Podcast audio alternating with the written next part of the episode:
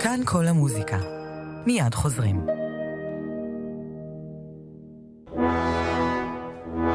הנוסעת, אופרה רבת עוצמה מאת ויינברג על סיפורן המצמרר של האסירות באושוויץ. אירוע בימתי נדיר בבימויו של דיוויד פאונטני. הנוסעת, מ-30 באפריל ועד 6 במאי לקראת יום השואה. לכרטיסים התקשרו לאופרה הישראלית. כאן כל המוזיקה.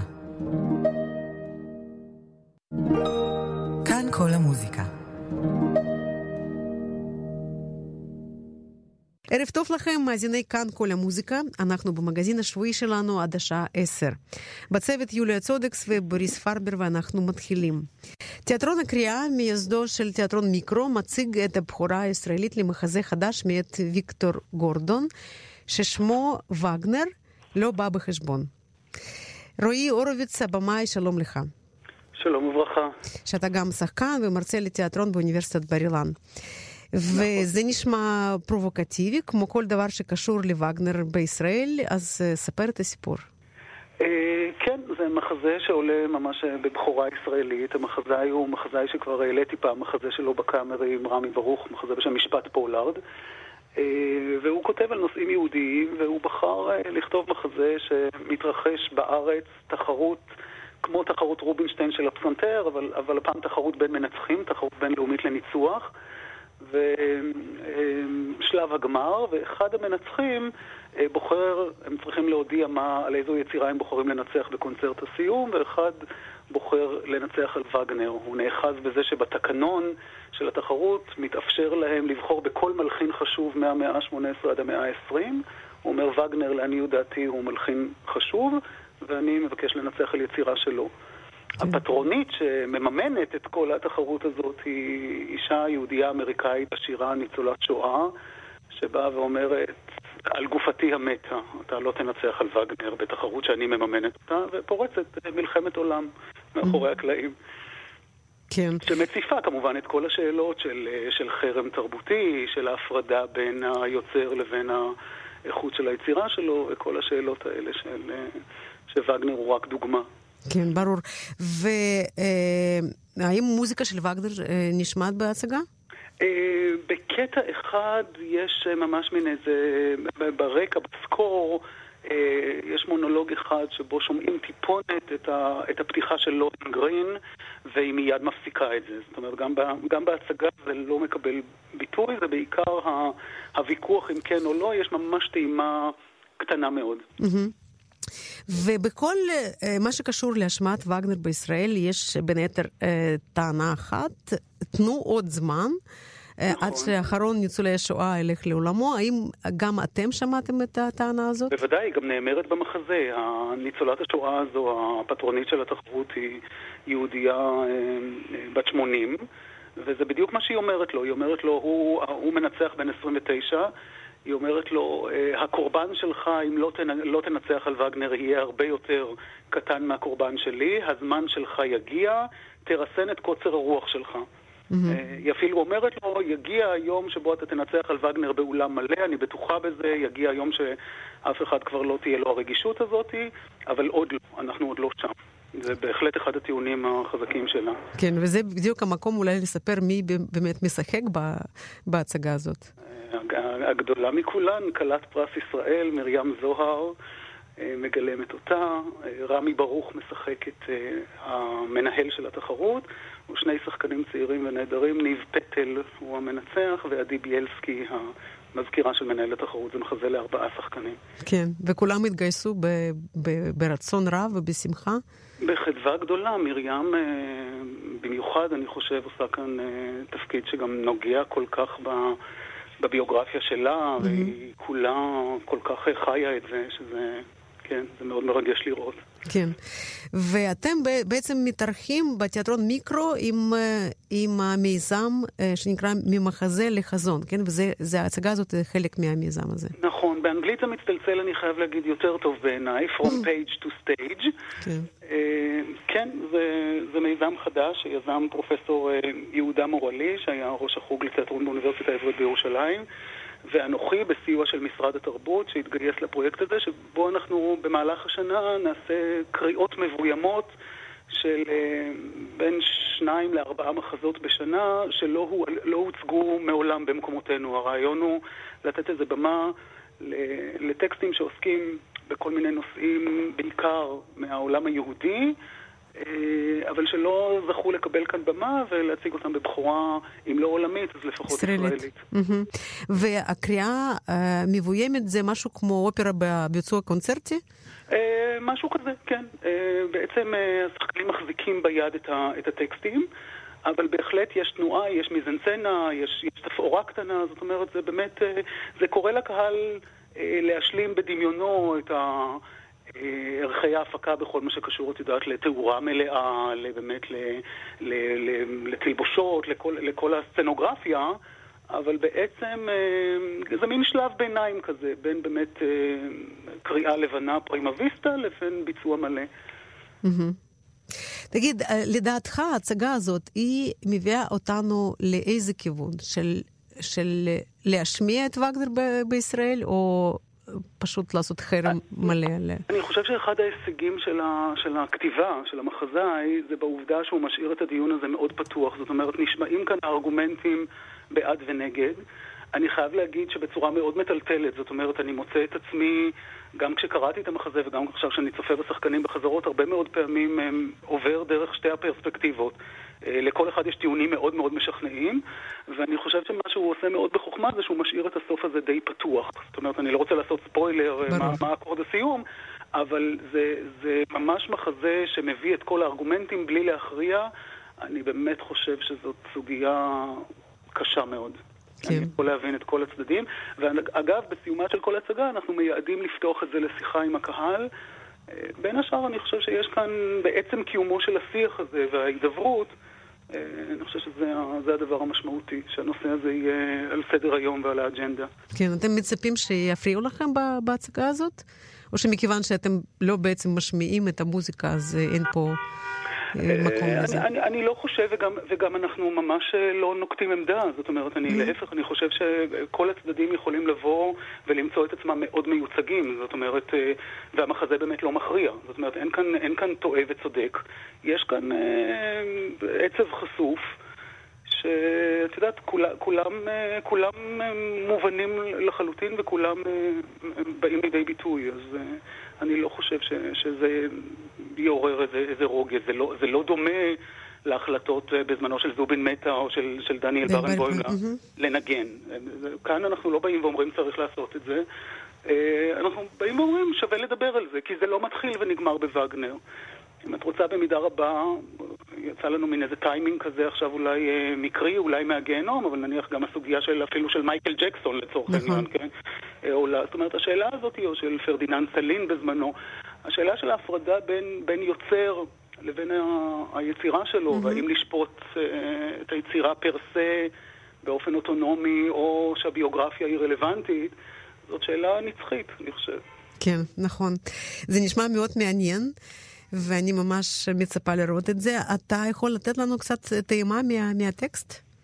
אה, כן, אני אשמח מאוד.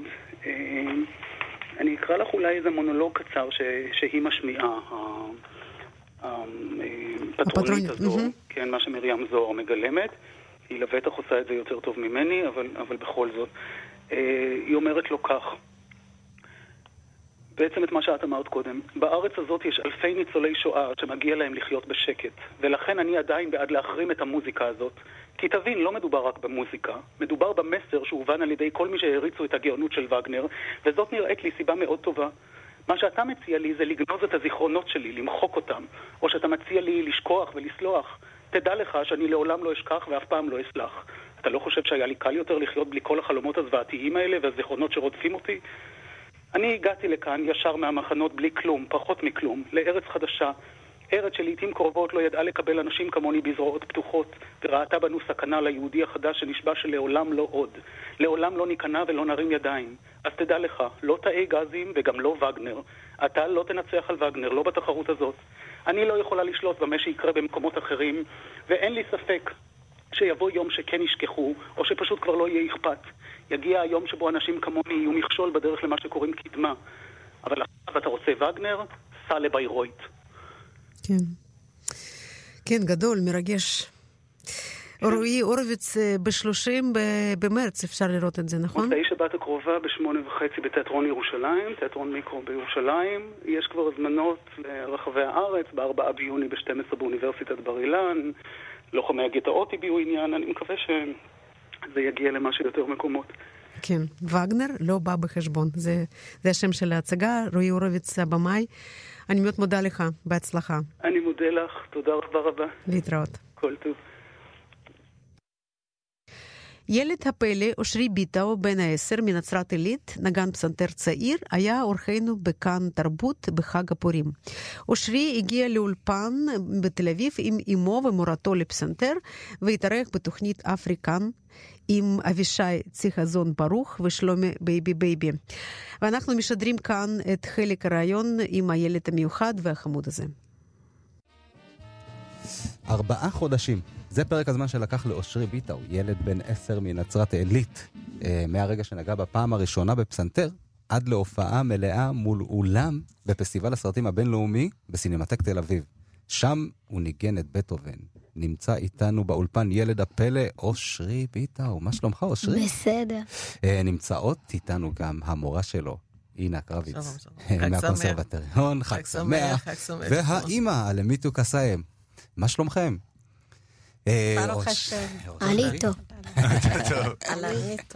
אלמיתו. כן. אה, אושרי, אה, כשהתחלת, ברגע שנגעת בפעם הראשונה בקלידים. אה, כמה זמן לקח לך לנגן שיר שלם? אני לא סופר. לא לא ספרת כמה זמן לקח לך? כמה זה? יום- יומיים? שלושה? חצי שעה? אה, חצי שעה.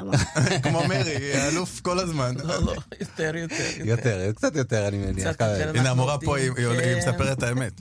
עזוב, אתה עשית את זה מהר, אז אין לך מה להתבייש, אחי. תגיד את הזמן שעשית. אה, יום? כשהיית יותר קטן. אה, כמה אפשר להיות כבר יותר קטן מהגיל שלו, מה מה חלמת להיות? חשבת שתהיה אה, מוזיקאי, פסנתרן? לא. מה חשבת? מה מה חלמת להיות? אה, משהו בתחום הספורט, לא יודע, אולי שחקן טניס, שחקן כדורגל, אה, אה, כדורסל. רצי הסמטה, אם היו מגיעים אליו אה, לפני זה, כן, כנראה לפני. שאולי... אולי- יכול להיות. משהו אחר. יכול להיות. אבל זה רחוק להם, נצרת עילית, זה רחוק. לא, לא, אנחנו עיר רק- יפהפייה. לא, אני רק. אומר שזה רחוק מתל אביב, רצי הסמטה הם. פה בתל אביב-יפו. אה, כמה אתה מתאמן בשביל בש- בשביל להיות ביום אני מתאמן שעתיים. כל יום? כל יום, לא, חוץ מסופה שאני לא מנגן, אחרי בית ספר בשישי אני מנגן קצת. אבל שבת לא. שבת לא, ממש לא. לא. אנחנו דיברנו עם אה, עם אימא למיטו, והיא אמרה שבת הוא לא הוא לא מנגן. מה אתה עושה בשבת? קורא שאתה- ספרים, יוצא החוצה. על מה, על מה, איזה ספרים אתה קורא? היא אמרה לנו שאתה קורא מלא ספרים. על מה כן. אתה קורא? אני קורא קומיקס, אה, ספרים על מלחינים שאני אוהב, ספרי מוזיקה גם, גם דרמה. איזה איזה מלחינים, איזה... אה, אה, לפני כמה זמן סיימתי לקרוא ספר על אה, שופן ושוברט. וזה זה באמת מעניין אותך כשאתה קורא את זה? כשאני קורא את זה, כן, זה מעניין אותי. אתה, אתה, לומד, אתה לומד משהו מה, מהקריאה? זאת אומרת, אתה קורא ספר או קורא משהו ואחר כך כן. אתה הולך לנגן? כן, אחר כך הוא מבקש יצירות. כן. הוא מבקש יצירות של... כן. אה, של. שפן, אה, אחרי שאתה... של מוצרט. קודם כל היה בטהובן, אחר כך מוצרט, ועכשיו הגענו לשפן, ברטקביץ', כן. כן, הוא- מבקש. אז, אז עכשיו רצית להיות, חלמת להיות אה, ספורטאי, אה, יצא שאתה פסנתרן. כן. ספורט אחר לגמרי. עם האצבעות. ספורט אחר לגמרי. ואתה- אתה חושב, ומה החלום שלך, להיות ספורטאי או להיות פסנתרן? פסנתרן. כן, זהו, החלטת כן, לגמרי? זהו, זה סופית. סופי. סופי, סופי, נקודה. חתום. חתום. אז אה, אה, אני רוצה לשמוע אותך מנגן. אז אה, אתה תלך לעמדה של הקלידים, בינתיים אני אשאל את אה, אימא והמורה כמה שאלות, ואז אתה תנגן לנו משהו ואתה תחזור, ואנחנו נדבר איתך עוד פעם. אנחנו לא סיימנו איתך. אז אה, הנה המורה, כן. אה, המורה מהקונסרבטוריון. אז אה, את מלמדת המון ילדים. אני כן, מניח תודה. שמגיעים אלייך. המון המון ילדים. אה, תסבירי לנו מה הכישרון של אושרי. מה, מה, מה הופך אותו ל, ל, לכל כך כישרוני? קודם כל, אני מלמד בבוקר גם נגינה בבית ספר גולן בשם אה, שמעון פרס. ויש לנו קבוצות ילדים שמנגנים באורגניות. אז מזה אושרי התחיל. מקבוצות ילדים, 7, 8, 12, 15, תלוי איזה כיתה, מחלקים לשתיים. אושרי התחיל לנגן בקבוצת אורגניות דרך קרן קרב. תוכנית קרן קרב. אז ראיתי שזה ילד, לא ראיתי כאלה ילדים, ילד מקסים, נכנס לשיעור, הופך להיות חבר של האורגנית הזאתי, וכל כך אוהב לנגן, ותמיד ראשון, ומופיע בטקסים. מנהלת מינה קליין שקודמת, נתנה לו כל, התמ... כל התמיכה. אז ישר מזהים אבל איך שנוגעים ישר? מזהים, כן, כמה שיעורים טובים, כן, כן, אנחנו כמובן. מורים מזהים את זה. הפוטנציאל. אפשר. ואת מזהה את הפוטנציאל, זאת אומרת, הפוטנציאל, כשאת כן. מזהה את זה, את אומרת, כן. וואו, זה משהו שצריך... וואו, אה, כן, וואו, זה מה שצריך. אה, מינה קליין, אני, יש עוד מורה מלכה, התחלנו לדבר עם אמא, ואמא אמרה, הוא קטן, מה עוד, אה, ילד בן תשע, איזה קונסרבטוריון, צריך לנסוע 30 דקות באוטובוסים, זה לא כל כך פשוט. בסדר, אמרתי, בסדר, נחכה עד שהוא יגדל שנה לפחות. ולא יודעת, עוד פעם הגעתי לאמא, אמרתי, אני, אנחנו נעשה משהו, כי קונסרבטוריון עולה המון כסף. נסדר משהו, אולי מלגה, כי ילד מוכשר, משהו. באמת עשינו ככה. והיום ראש העיר של נצרת עילית, הוא מאמן את כל ה... אה, רונן פלוט, הוא מאמן את הלימודים של אושרי בקונסרבטוריון. זה הוא מעולה. לקח, הוא לקח על הכתפיים אז שלו. בואי בוא נשמע רגע את הכישרון שלו. כן, אנחנו- סרגי ברטקביץ'? לזכר שופן. סרגי ברטקביץ' לזכר שופן. יאללה, מאסטרו. היידה. לא שומעים? אני שומעת אותך. אנחנו שומעים אותך.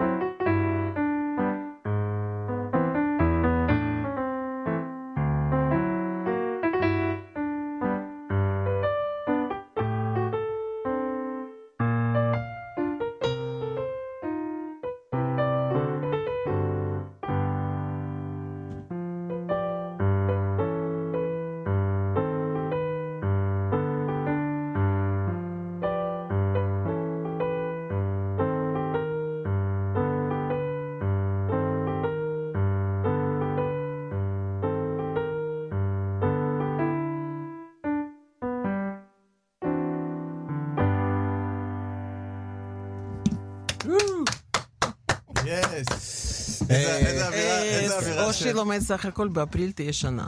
שנה. שנה. ראשונה. יש פה אווירה של המאה ה-16, לא?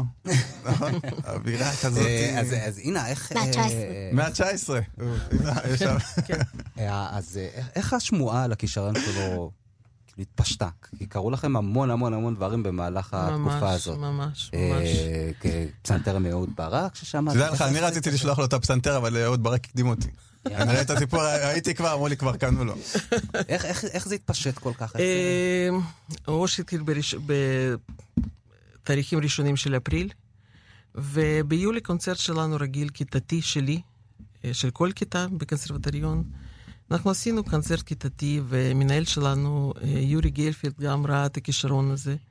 וגברת פאולה לאם, שפתחה את כל הדלתות, היא במקרה הייתה אימא של תלמידה שלי. למחרת היא התקשרה לי עיתונאי של ידיעות אחרונות, וקיבלתי צלצול פלאפון, תבואו מהר לקונסרבטוריון, אנחנו רוצים לראיין את הילד. ומזה התחיל. בעוד יום יצא עיתון. אתם יודעים את זה, ידיעות אחרונות כתבה על אושרי. בעוד יום אחד הזמינו אותנו לפסטיבל סינמטק. תל אביב, יפו, שאף פעם... כן, זה עוד מעט נשאל באמת, אותו. כן. נשאל אותו שזה פה באזור. כן, כן, זה פה כן. באזור, כן. אה, אמא, אמא למיטו, אה, פעם ראשונה באה מורה למוזיקה, אומרת לך, הבן שלך צריך ללכת למוזיקה. מה, מה חשבת? זה בקהילה מוזיקה, זה לא... להיות מוזיקאי זה לא, אמא רוצה שיהיה רופא. שלא יהיה אזמרי. כן, שלא מזה יהיה מתחיל אזמרי. רופא, שתבין את זה. זה מתחיל מתחיל- רופא. מה חשבת בהתחלה? אני אמרתי לה, לא אמרתי לה שיהיה זה.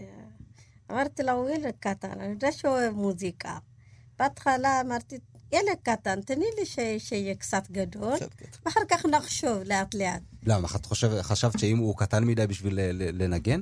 כן, כי, תשמע, זה בגיל תשע להוציא אותו ל... להופעות, לזה. זה קשה.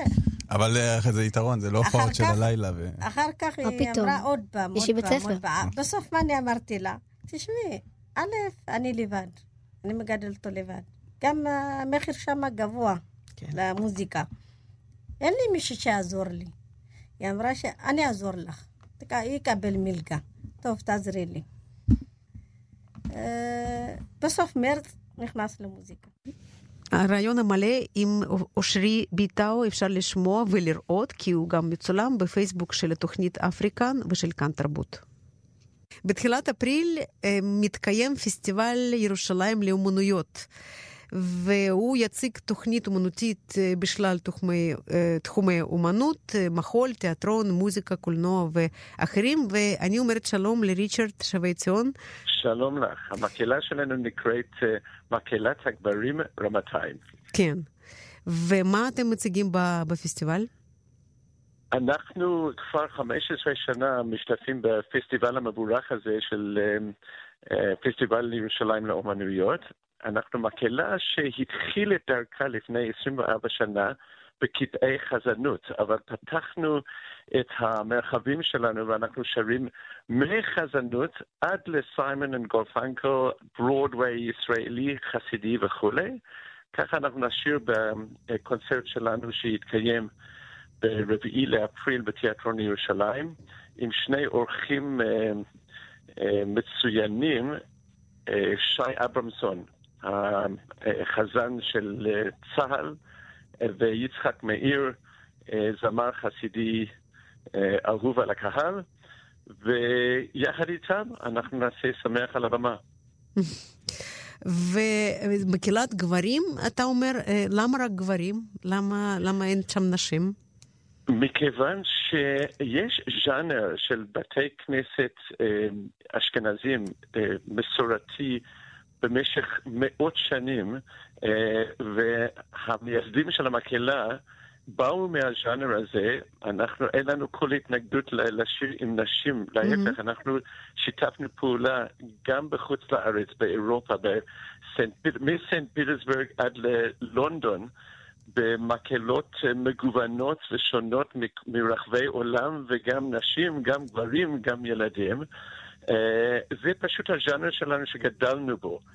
אה, וכמו למשל בווילס, יש אה, תחום תרבותי שזה מקהלת גברים. גם בגיאורגיה, נשים כן. מהמם. נכון, נכון. כן. ומה בדיוק אתם אה, מבצעים ב- בפסטיבל הזה? אה, כפי שאמרתי, גוון של אה, שירים, מחזנות קלאסית עד ל- למשל, אה, אה, אנחנו מבצעים את השיר אה, Bring Him Home מהמחזמר למז רבו. אנחנו שרים אה, שירים חסידיים, אנחנו שרים למשל ישראלי כמו אה, שלום לך ארץ נהדרת, שאגב, המלחין שלו הוא יהודי אמריקאי שהלחין את המנגינה למילים אחרים לחלוטין, אחרות, אבל אה, העתיקו את זה לשלום לך ארץ נהדרת, חגיגה על הבמה. אנחנו עושים את כל הדבר הזה יחד עם, בשיתוף עם הפסטיבל, וכל ההכנסות של הקונצרט שלנו, קודש לקרן מלכי, שזו אה, עמותה שאנחנו עובדים, עובדים איתה שנים רבות, מגייסים להם כספים ותמיכה אה, עבור הפעילות המבורכת שלהם בתחום אה, העזרה לילדים עם קשיים מאוד מאוד, אה, קש, אה, אה, mm-hmm. מאוד מיוחדים ובולטים. אה, והם עוזרים להם לקבל את הטיפולים שלהם בביתם. כן. והקונצרט הזה ב-4 באפריל? ב-4 לאפריל, אה, כמעט ועזבו כל הכרטיסים, אה, אבל זה, זה, זה קונצרט שחוזר על עצמו כל שנה עם, ברוך השם, הצלחה רבה, וכן. יופי, אז אה, ריצ'רד שבי ציון, המנצח על מקהלת רמתיים, אני מאוד מודה לך, בהצלחה בפסטיבל, ותודה שהתראיינת אצלנו. תודה רבה. להתראות. להתראות.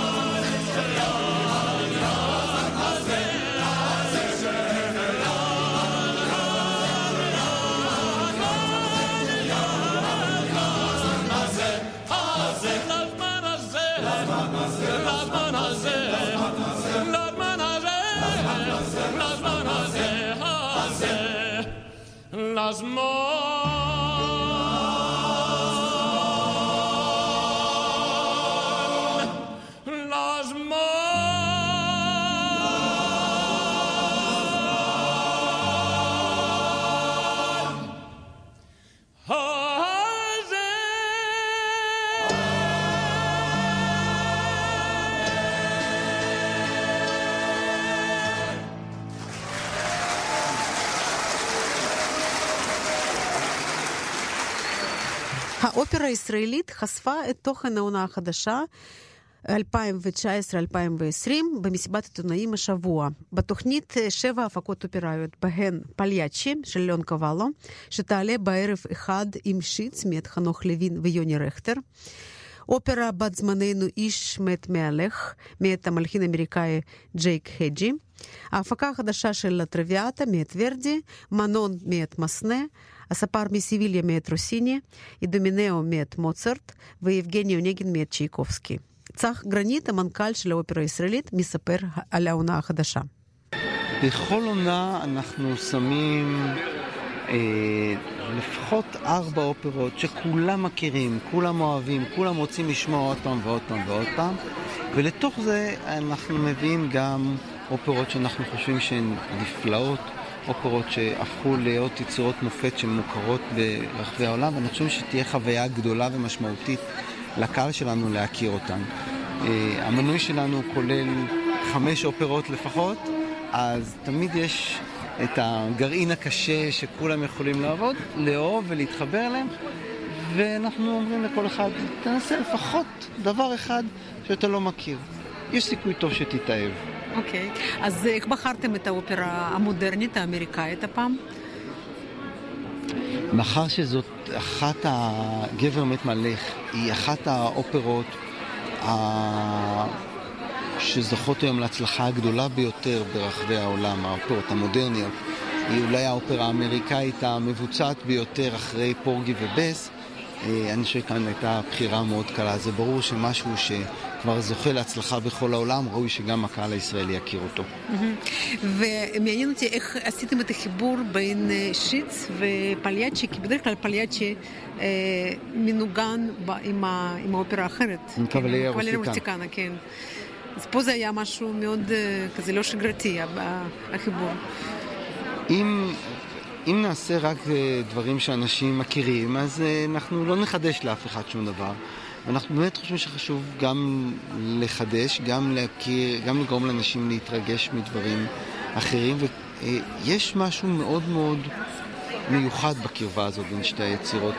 שיץ מאפשרת לנו לראות בפליאצ'י ולשים זרקור על משהו שבדרך כלל אנשים פחות רואים. אנשים רואים יותר את הדרמה דבריזמו הזאת שהיא מוכרת של, מה, האופרות האיטלקיות של סוף המאה ה-19, תחילת המאה ה-20. שיץ מראה שלפליאצ'י יש עוד דברים. אה, יש עוד דרכים להסתכל על פליאצ'י, ואני חושב ששיץ תורמת המון לאופן שבו אנחנו יכולים להבין בימינו את פליאצ'י. הן שתיהן נמצאות בעולם של וריזמו, שתיהן עוסקות במשפחות לא מתפקדות, משפחות שמתפרקות, ו... אה, העולם, במקום לעסוק רק בעולם הרומנטי, הטרגי, יש גם סיפור נוסף בפליאצ'י שאפשר גם לראות אותו. אה, האופרה הזאת היא נורא נורא חכמה. אני חושב שהחיבור בין שתי האופרות רק יעשה טוב, במיוחד למי שעוד לא ראה את שיץ, יהיה לו הזדמנות נפלאה לחוות את, ה, את היצירה המקסימה הזאת. ומי שראה אותה, אני בטוח אשמח מאוד לראות אותה עוד פעם, בדיוק כמו שאני מחכה לראות אותה עוד פעם על הבמה. כן. אתה יכול להגיד כמה מילים על, ה, אה, על האומנים הישראלים בעונה הבאה, גם, גם זמרים וגם אה, אה, במאים? גם יש לנו פה שלושה במאים ישראלים. שעובדים בעונה הבאה, תומר זבולון, ענבל פינטו ועידו ריקלין. אה, שהוא גם הדרמטורג של האופרה הישראלית. אה, ואפשר לראות לאורך כל העונה אה, זמרים ישראלים שמופיעים בתפקידים ראשיים. הילה בג'ו, אירה ברטמן, אללה וסילביצקי, מאיה לחיאני וכן הלאה. זמרים באמת מהשורה הראשונה שמופיעים פה ביחד עם זמרים בינלאומיים שגם כן מופיעים בכל בתי האופרה החשובים בעולם ובעיניי העובדה שיש לנו פה בית אופרה ישראלי שהוא גם ישראלי וגם בינלאומי, גם מחבר בין העשייה שקורית היום בעולם עם, ה... עם כוכבים עולמיים וגם עם כוכבים שלנו כאן מישראל, שרבים מהם יצאו מפה, התחילו פה וגם כן פיתחו קריירה בינלאומית. אני חושב שזה הכוח הכי גדול והכי מקסים שיש למקום הזה, שבאמת הופך את ישראל למקום מרכזי בתחום האופרה בכל העולם. כן. אה, שאלה אחרונה, אה, אנחנו גם רואים פחות אופרות בשנים האחרונות, וגם לא ראיתי שיש שיתוף פעולה ב... אה, במתכונת של להביא לפה איזושהי הפקה של בית אופרה מחו"ל. זה קשור לתקציב? לכסף?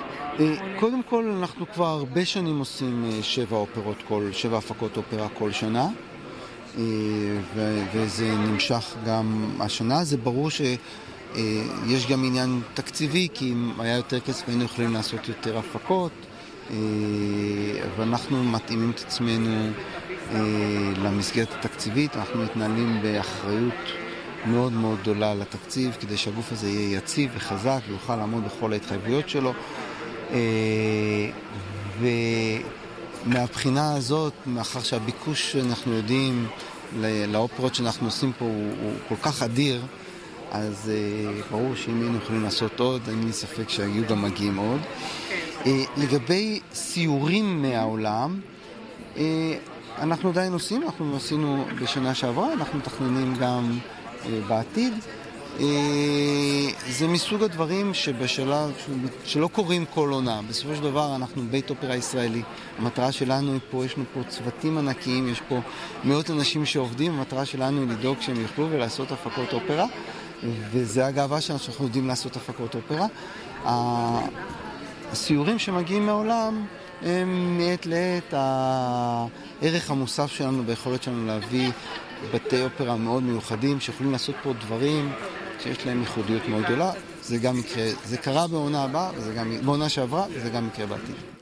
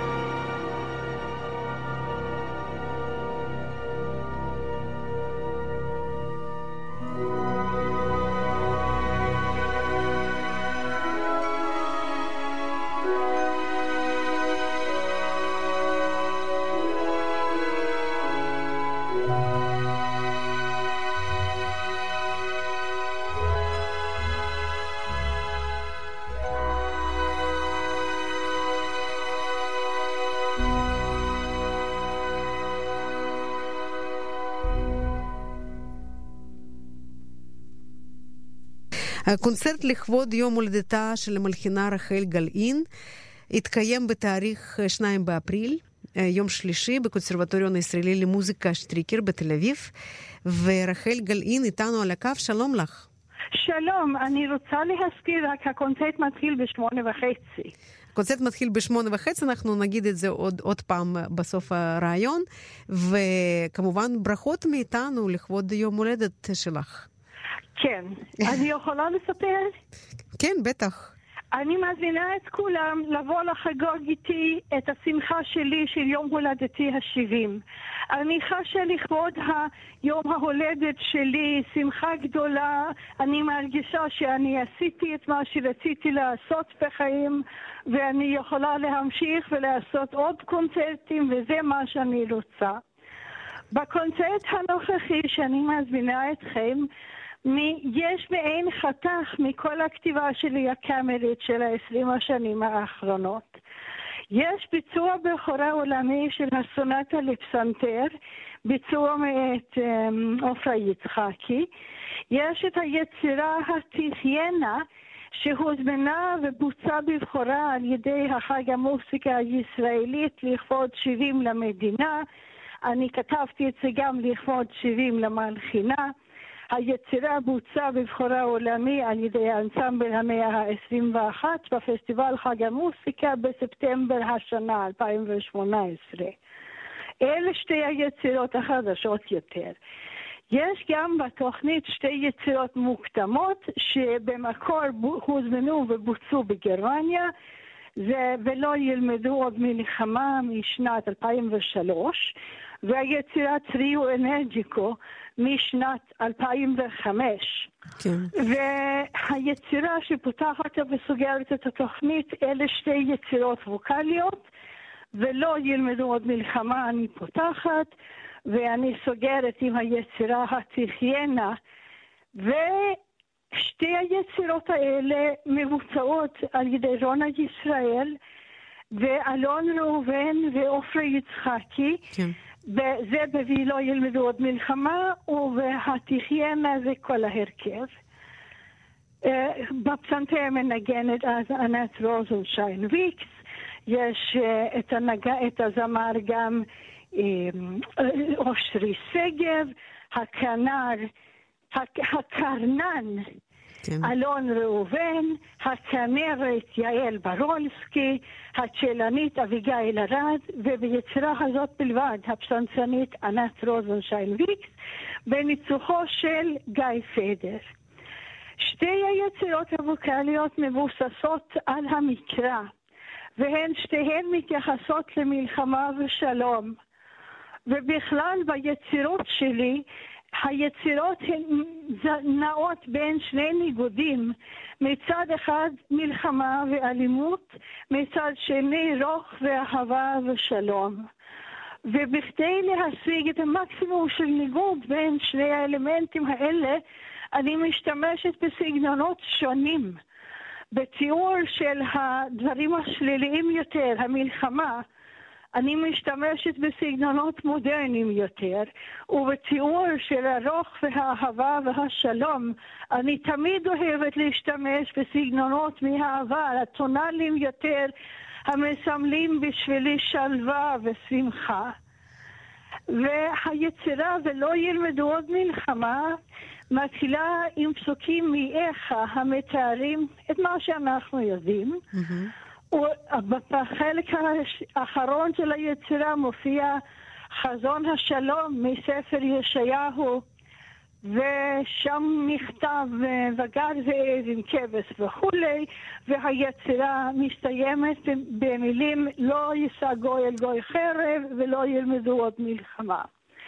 היצירה מסתיימת בסימן שאלה, ולא ילמדו עוד מלחמה, האומנם?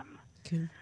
היצירה האחרונה בתוכנית, התחיינה, מבוססת על uh, ספר יחזקאל, חזון העצמות היבשות, ולאחר מכן בחלק השמח יותר פסוקים מתהילים שהם גם מאושרים בהלל, תפילת הלל. ואני מספרת בהתחיינה את הסיפור של עם היהודי. במאה ה-20, השואה והתקומה והקמת המדינה. אין כאן התייחסות להווה, זה הכל קשור להקמת המדינה ומלחמת השחרור והשואה. כן. והחלק הראשון של היצירה קשורה למוות ושואה, מבוססת על, על, על, על החזון, כמו שאני אמרתי, עם סגנון אקספרסיוניסטי, הייתי אומרת, לא לגמרי מודרני. לאחר מכן יש את ההללויה הגדולה, ששם אני משתמשת בסגנון של היידן מוצרט. ולבסוף מופיע ציטוט מאקזולטציה יובילטה של מוצרט, את ההללויה שמסיימת את האקזולטציה של מוצרט, מסיימת גם את היצירה שלי. היצירה לפסנתר שאנחנו נשמע הוא מעין סלפי מוסיקלי שלי. אני בעצמי ניגנתי, למדתי פסנתר הרבה שנים והייתי בכל תחילת חיי עמוקה מאוד בתוך הקלאסיקה. לאחר מכן אני ראיתי שהפסנתרנות זה לא מספיק לי, ואני נטשתי את הפסנתר והתחלתי ללמוד קומפוזיציה. אבל לאורך כל השנים שאני ניגנתי הייתי מאלתרת מוסיקה משלי, מבלי לרשום אותה, או בלי לתעד אותה. והסונטה היא מעין תיעוד של ההיסטוריה שלי בפסנתר. פרק הראשון הוא מודרניסטי לחלוטין, פרק שני הוא מושפע מהפרקים האיטיים של הסונטות של בטהובן ושוברט, שניגנתי אותם בעצמי. הפרק, בפרק האחרון, הניגודים הסגנוניים, האלמנטים המנוגדים, מועמדים זה מול זה, ובסופו של דבר הכל מגיע לסינתזה ולאופטימיות. היצירה שלא עוד סיפרתי עליו עוד זה טריו אנרג'יקו משנת 2005. כן. Um, היא גם כתובה במקור לביצוע בגרמניה. הזמינו את השלישייה בשם תרועה פאם, שרצו לקדם מלחינות, והיצירה הזאת היא אחת מהיצירות שלי הפופולריות ביותר. היצירה הזאת היא היצירה הפופולרית ביותר שאני כתבתי. היא בוצעה אין ספור פעמים, גם בגרמניה, גם בשוודיה, גם ברחבי הארץ, בקונצרטים שונים. כולל ביצוע בחג המוסיקה הישראלית בחיפה, אני לא, לא יודעת כרגע איזה שנה זה היה. כן. שידורים רבים ברדיו וביצוע על ידי הרכבים שונים. ויצירה מושפעת מבלה ברטוק מאוד. Uh-huh. היצירה היא חזקה ועוצמתית, ולכן גם השם טריו אנרגיקו. ואני מקווה לשל... להמשיך את האנרגיות האלה עוד כן. הרבה בחיים שלי. ברור, ובשניים באפריל הקונצרט הזה בשעה שמונה וחצי בקונסרבטוריון הישראלי למוזיקה שטריקר בתל אביב. הכניסה חופשית וזה יום הולדת שלך, רחל גלעין. ואין צורך להירשם מראש, אפשר לבוא בלי להירשם מראש. כן, יופי. בסדר, אז תודה רבה לך, בהצלחה. תודה רבה. תודה רחל. ואנחנו נשמע קטע מתוך היצירה ולא ילמדו עוד מלחמה. רונה ישראל זמרת הסופרן, אלון ראובן בקרן ואירנה פרידלנד בפסנתר. וכאן אנחנו מסיימים את המגזין שלנו, יוליה צודקס ובוריס פרבר מאחלים לכם סוף שבוע נעים, נשתמע בשבוע הבא. להתראות.